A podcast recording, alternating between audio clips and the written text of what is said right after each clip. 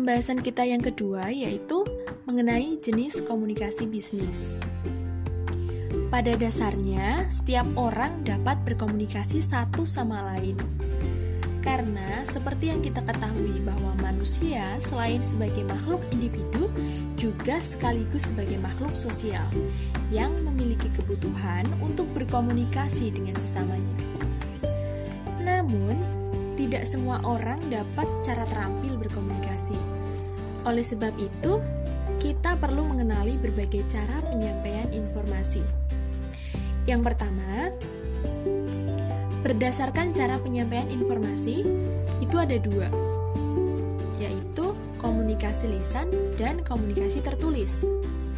Kalau komunikasi lisan adalah komunikasi yang terjadi secara langsung, tidak dibatasi oleh jarak. Jadi, kedua belah pihak itu bertemu secara langsung bertatap muka. Kalau komunikasi tertulis yaitu komunikasi berupa naskah yang biasanya itu digunakan untuk menyampaikan berita yang sifatnya kompleks dan gambar karena tidak dapat dilukiskan dengan kata-kata atau kalimat. Kemudian, jenis komunikasi berdasarkan perilaku. Ini dibagi menjadi tiga, ada komunikasi formal, informal, dan non-formal. Kalau untuk komunikasi formal itu seperti uh, misal rapat kerja perusahaan, konferensi, seminar, dan sebagainya, di mana komunikasi itu terjadi di antara perusahaan atau tata caranya itu telah diatur dalam struktur organisasinya. Sedangkan komunikasi informal adalah uh, kebalikannya, di mana e, komunikasi itu terjadi dengan tidak ditentukan dalam struktur organisasi dan tidak mendapat pengakuan resmi yang mungkin itu tidak berpengaruh terhadap kepentingan organisasi atau perusahaan. Contohnya seperti kabar burung, desas-desus, dan sebagainya. Dan yang ketiga, komunikasi nonformal. Nah, komunikasi nonformal adalah komunikasi yang berhubungan dengan pelaksanaan tugas pekerjaan organisasi dengan kegiatan yang bersifat pribadi anggota organisasi tersebut. Untuk jenis komunikasi yang ketiga, yaitu berdasarkan ruang lingkup.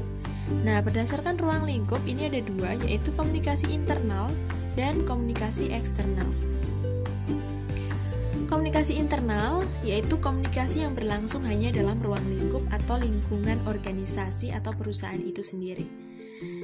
Sedangkan komunikasi eksternal adalah komunikasi yang berlangsung antara organisasi atau perusahaan dengan pihak masyarakat yang ada di luar organisasi atau perusahaan tersebut. Selanjutnya, jenis komunikasi berdasarkan aliran informasi.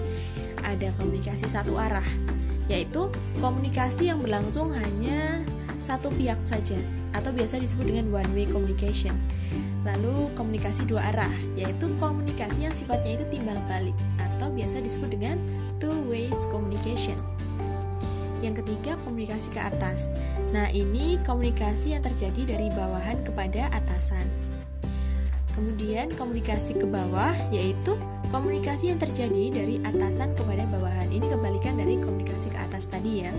Dan untuk yang terakhir yaitu komunikasi ke samping, di mana komunikasi ini terjadi di antara orang yang memiliki kedudukan sejajar. Lanjut, untuk jenis komunikasi eh, ada juga yang berdasarkan jaringan kerja. Itu ada lima, yaitu eh, struktur lingkaran, struktur roda, struktur Y, struktur rantai, dan struktur bintang. Dan yang terakhir, jenis komunikasi berdasarkan peranan individu. Itu ada komunikasi antar individu dengan individu lain, kemudian komunikasi antar individu dengan lingkungannya lebih luas, dan komunikasi antar individu dengan dua kelompok atau lebih.